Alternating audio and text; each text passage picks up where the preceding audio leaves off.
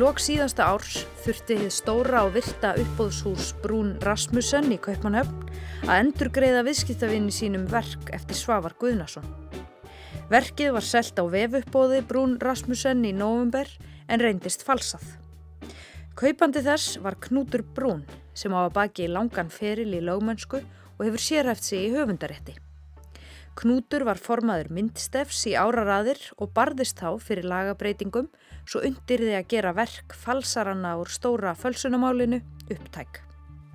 Svo baróta skilaði litlu eins og framkom í síðasta þætti endaði Knútur sjálfur á því að kaupa köttin í seknum. Það er falsað verk eignað svafari guðnasinni úr smiðju þessara sömu falsara. Þetta eru ljóndir glæpir að mínum mati. Í þessum þætti heyrum við að fleiri glæpum sem að hverfast um þennan farsæla listamann, Svavar Guðnason. Falsanir á verkum hans eru endur tekið stef í stóra fölsunamálinu og það var fölsun eignuð Svavari sem á endanum feldi málið í hæstarétti árið 2004. Ólafur Ingi Jónsson, forvörður á listasafni Íslands, hefur stútirað handbrað þessara falsara. Það þekkir hvert smáadriði í sögu þeirra og hefur í þessum þáttum rakið slóð þeirra víða. Þegar Ólafur Ingi sá verkið sem að Knútur Brún keipti á uppbóði í november var hann ekki lengi að kveika á perunni. Ég þetta var verk sem að hérna, var við uppbóði hjá þeim 7. november og með því að fara bara inn á, á sölu síðuna og þá er þetta þysja upp myndirnar af verkinu og það var mjög augljóst strax að þetta var kópi af, af uh, verki eftir Svafa Guðnarsson og enn frekar var bæði pappiskerðin og, og stærðin á pappirnum uh, þýttir sönnunar. Pappir sem hafi verið notaður við að falsa mörg verk í svo kvöldu falsunamáli, verk sem eignum voru hennum ólíkustu listamönnum og verk sem átt að hafa verið gerð á ólíkustu tímum á margar áratöga hérna, tímabilum en hefði alls ekki fundist í höfundaverki listamannuna og, og, og enn freka með því að þýsja inn inn í, inn í verki sjálf á pappirinn að það mátti sjá að basmerki kom fram sem var Fabriano í efrahátninu hægra miðun uppi. Og við vitum það alveg að Svafa notaði svo kallan angrpappir eða yngrispappir við, við verksinn en aldrei Fabriano sem er sumu gerðar og ég sé þetta bara með beru auganu þegar þið sér inn á myndina að þá stendur Fabriano á verkinu. Já, þess að varsmerki kemur fram Lýst það þess hvað við sjáum á þessar mynd? Við sjáum uh, við sjáum uh, pastilverk sem er gerð ger með þeirri, þeirri aðferð að, að það er umvel alveg ótrúlegt þegar að verkið er skoða að þetta skuli hafa farið raunverulega aðvöðsendalust í gegnum uppbóð því það er, hambraðið er svo lélegt. Þú hristi bara hausin? Já, þetta er svo los, losarlegt og það sjá raunverulega allir þegar skoða það betur. En svo seldist þessi mynd og hún seldist ekkit fyrir neitt svakalega háa upphæð, 13.000 danskar. Já, ég var mjög ánað með það. það. Það var eins og að fólk sé nú svona að vara sér svolítið í viðskiptum með, með verk Svavas og hafa átt að segja á því að þetta verk væri ekki stórkoslegt. Og nú veitum við hver kifti þetta verk, það var Knútur Brún. Já. Og hvernig fyrir þú að því?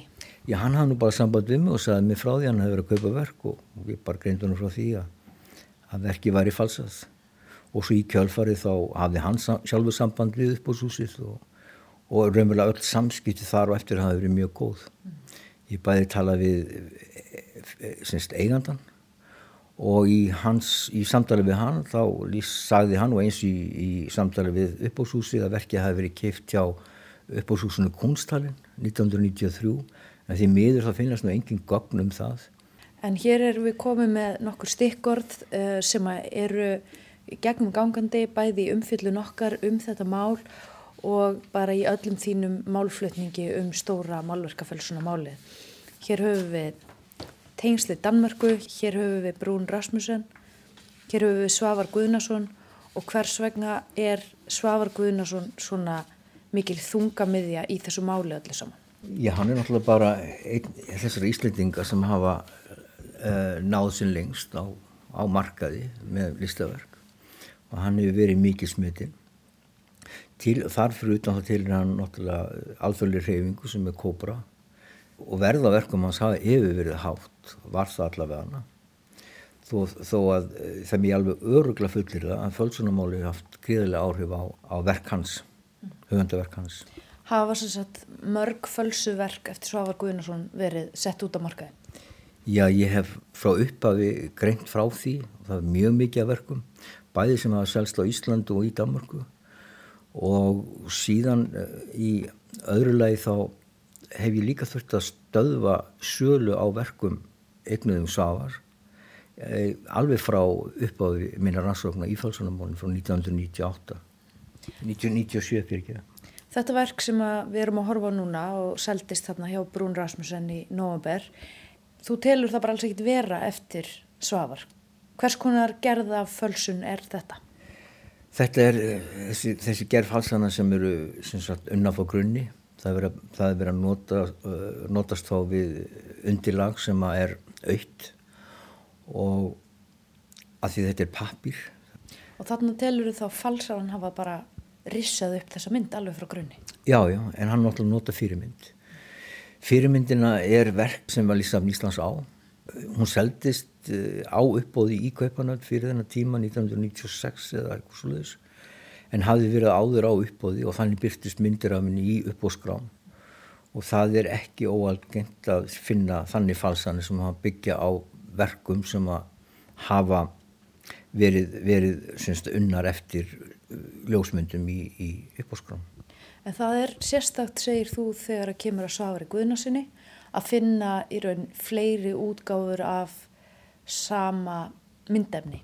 Já, já, er, við vitum það alveg að Svavar vann ekki tvö verk af, sama, af sumu fyrirmynd. Það er alveg, alveg öruð með öruð, en í þessu tilfelli er verið að styðjast við fyrirmyndir Og það er einhverju falsar sem gera þetta? Já, já, það er, það er þeir sem eru sagt, í þessu stóra falsunamáli, sem við hendur. Þannig að nú telur við að við séum enn að sjá í raun glæpsamleg aðtæfi sem tengjast fölsurónum úr stóra málverkafölsunumálunum. Já, þetta er bara það sem ég hef alveg sagt frá uppafi, þessi verk koma til með að fara á marka einhver tíma og það er ekki svo sem ekkert að sakast við þennan mann sem set, setur verkið mark, í sölu því hann veit ekki betur einstaklingur í Danmarku það hef aldrei verið gerðan einar eh, aðtóðsendir við hans kaup. En strax í uppaf 1998 þá sendi ég báðu þessum uppbúrsum Kunstalinn og Brún Rasmussen listi að yfir verk sem ég taldi föls, vera fölsu eða þyrti að aðtóða betur. Og þeir, ef þeir hefðu tekið mig alvarlega sem þeir gerðu alls ekki eða hunsuður um alveg mitt álit einhverju hlutavegna að þá hefðu þeir getað hjálpa til við, við rannsók málsins, já. En á þessum tíma þá var Brún Rasmussen alls ekki til í að hlusta á þig, ólíkt því sem að gerst yfir í dag. En segðu mér aðeins frá því... En það er kannski ekki alveg satt að það ekki gert það því að þeir þurftu að greiða eigundum falsara verka um, endugreiða þeim verkin sem, sem ég taldi vera fölsuð og sendið hérna skýslir um það. Og er á meðal voru verk eftir Svavar Guðna eða eignuð honum. Já. En það hefur verið fjallað um falsanir sem eignar eru Svavar Guðna í dönskum fjölmjölum og þú hefur áður haft afskipti af fölsunum sem eignar eru Svavari. Lýstu þessu aðeins fyrir okkur? Já, nú vil það bara alveg fóra upp á í þurftu stöðu öðru kóruverk sem hafa farið á, á upp á hjá þeim. Það hóst nú bara strax 1998 eftir að mála og komið að stað.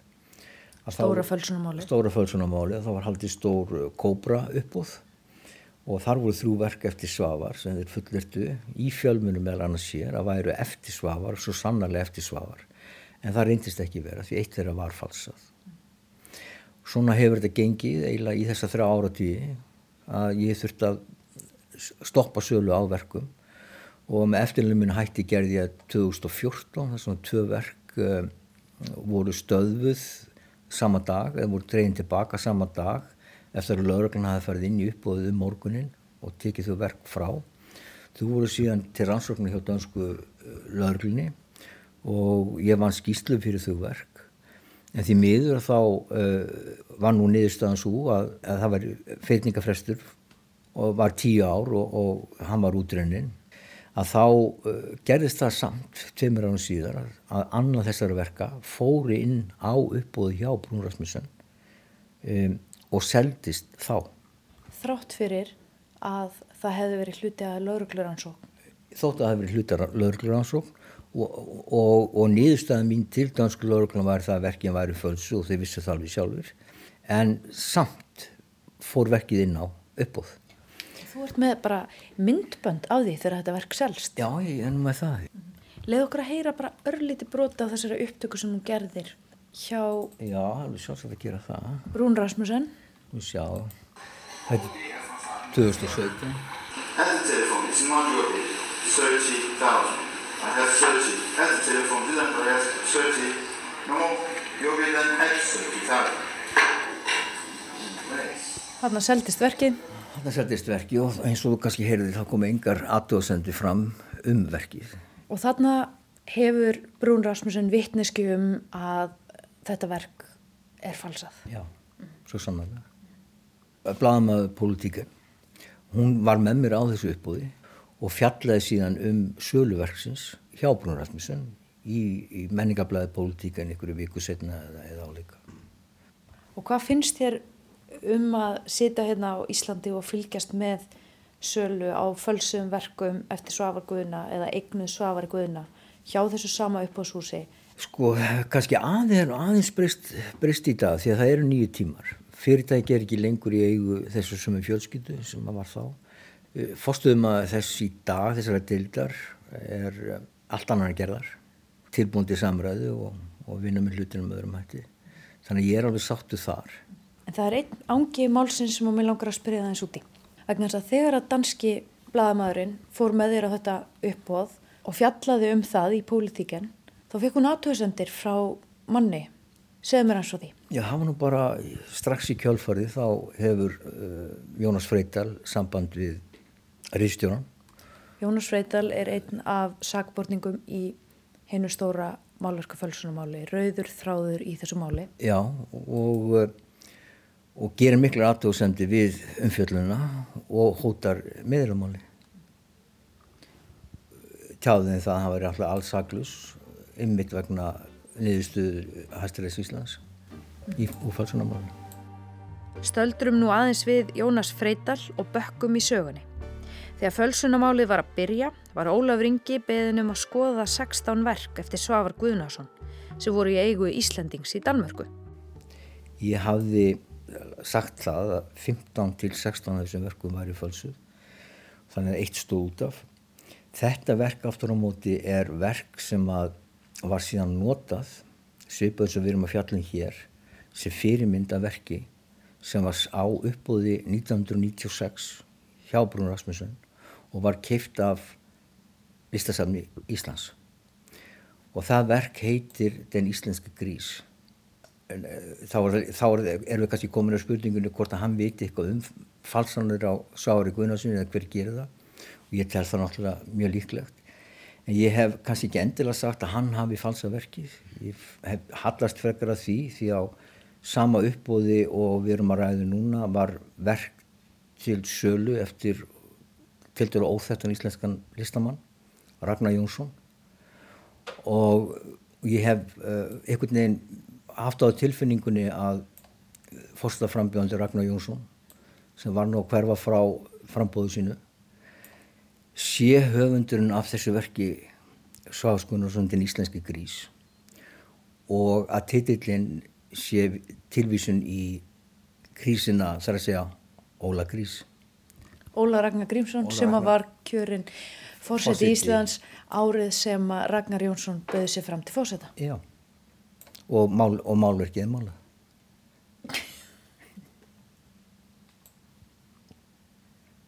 Þetta verk var eitt af þessum verkum sem að safni hefði geta gert betur með. Ég leta að vita mjög fljóðlega að þetta verk væri falsað. Það var í safninu á sumasýningu og hjekk á besta stað. Ég hefði svo óskaðis að þeir hefði sjálfu farið með máli lengra. Meinar þú þá Listasafn Íslands? Listasafn Íslands, já vegna þess líka að þetta er verkið sem að raunverulega feldi fölsunumálið en íslenski grís. Og það gerðist vegna þess að listasafn Íslands kærði verkið til lögreglu. Sérfræðingarnir sem fyrir dómi sögðu verkið vera falsað tengdust flestir listasafn Íslands með einu með öðrum hætti. Þá þótti hæstarétti listasafnið sitja begja vegna borðsins og ekki hægt að trista hlutleysi sérfræðingarna. Þess vegna voru þeir Jónas Freital og Pétur Þór Gunnarsson síknaðir. En hér látu við staðar numið í sögunni, að minnstakost í byli. Öll þáttaröðin Málverka Fals er nú aðgengilegi í spilara rúf og helstu hlaðvarp sveitum. Ég heiti Þóra Tómasdóttir og þakka ykkur kærlega fyrir samfélgina.